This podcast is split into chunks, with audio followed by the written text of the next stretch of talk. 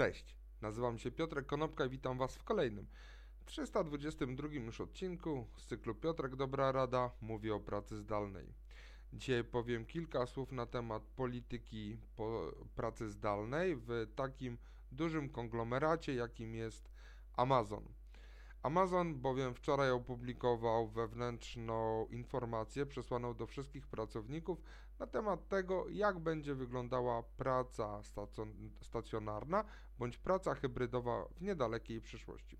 Do niedawna bowiem Amazon bardzo mocno parł do tego, żeby pracownicy pracowali z biura, bo uznał, że w ten sposób będzie mógł być y, firmą, która jest kreatywna, która odpowiednio szybko się rozwija, pomimo swojego olbrzymiego rozmiaru.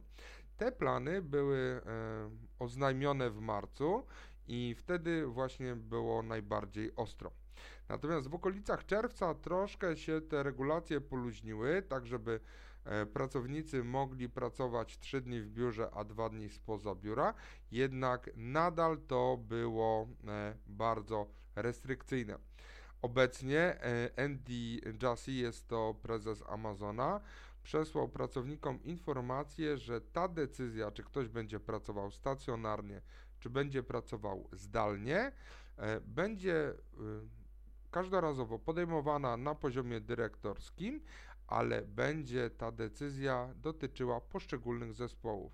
Czyli może być tak, że szef jednego zespołu uzna, że wszyscy mogą pracować zdalnie w 100%, natomiast być może inny zespół będzie musiał w jakiś sposób pogodzić się z, z pracą hybrydową. E, oczywiście pojawiły się również faki, czyli często zadawane pytania i odpowiedzi na te pytania, tak żeby szefowie poszczególnych jednostek, jak i pracownicy mieli jasną wizję tego, w jaki sposób praca w Amazonie będzie wyglądała.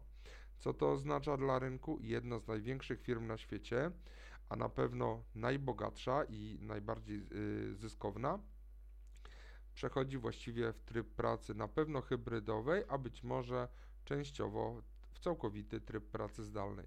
Myślę, że za nią pójdą y, inne firmy, bo jeżeli mamy się na kimś wzorować, to wzorujmy się na najlepszych bądź największych.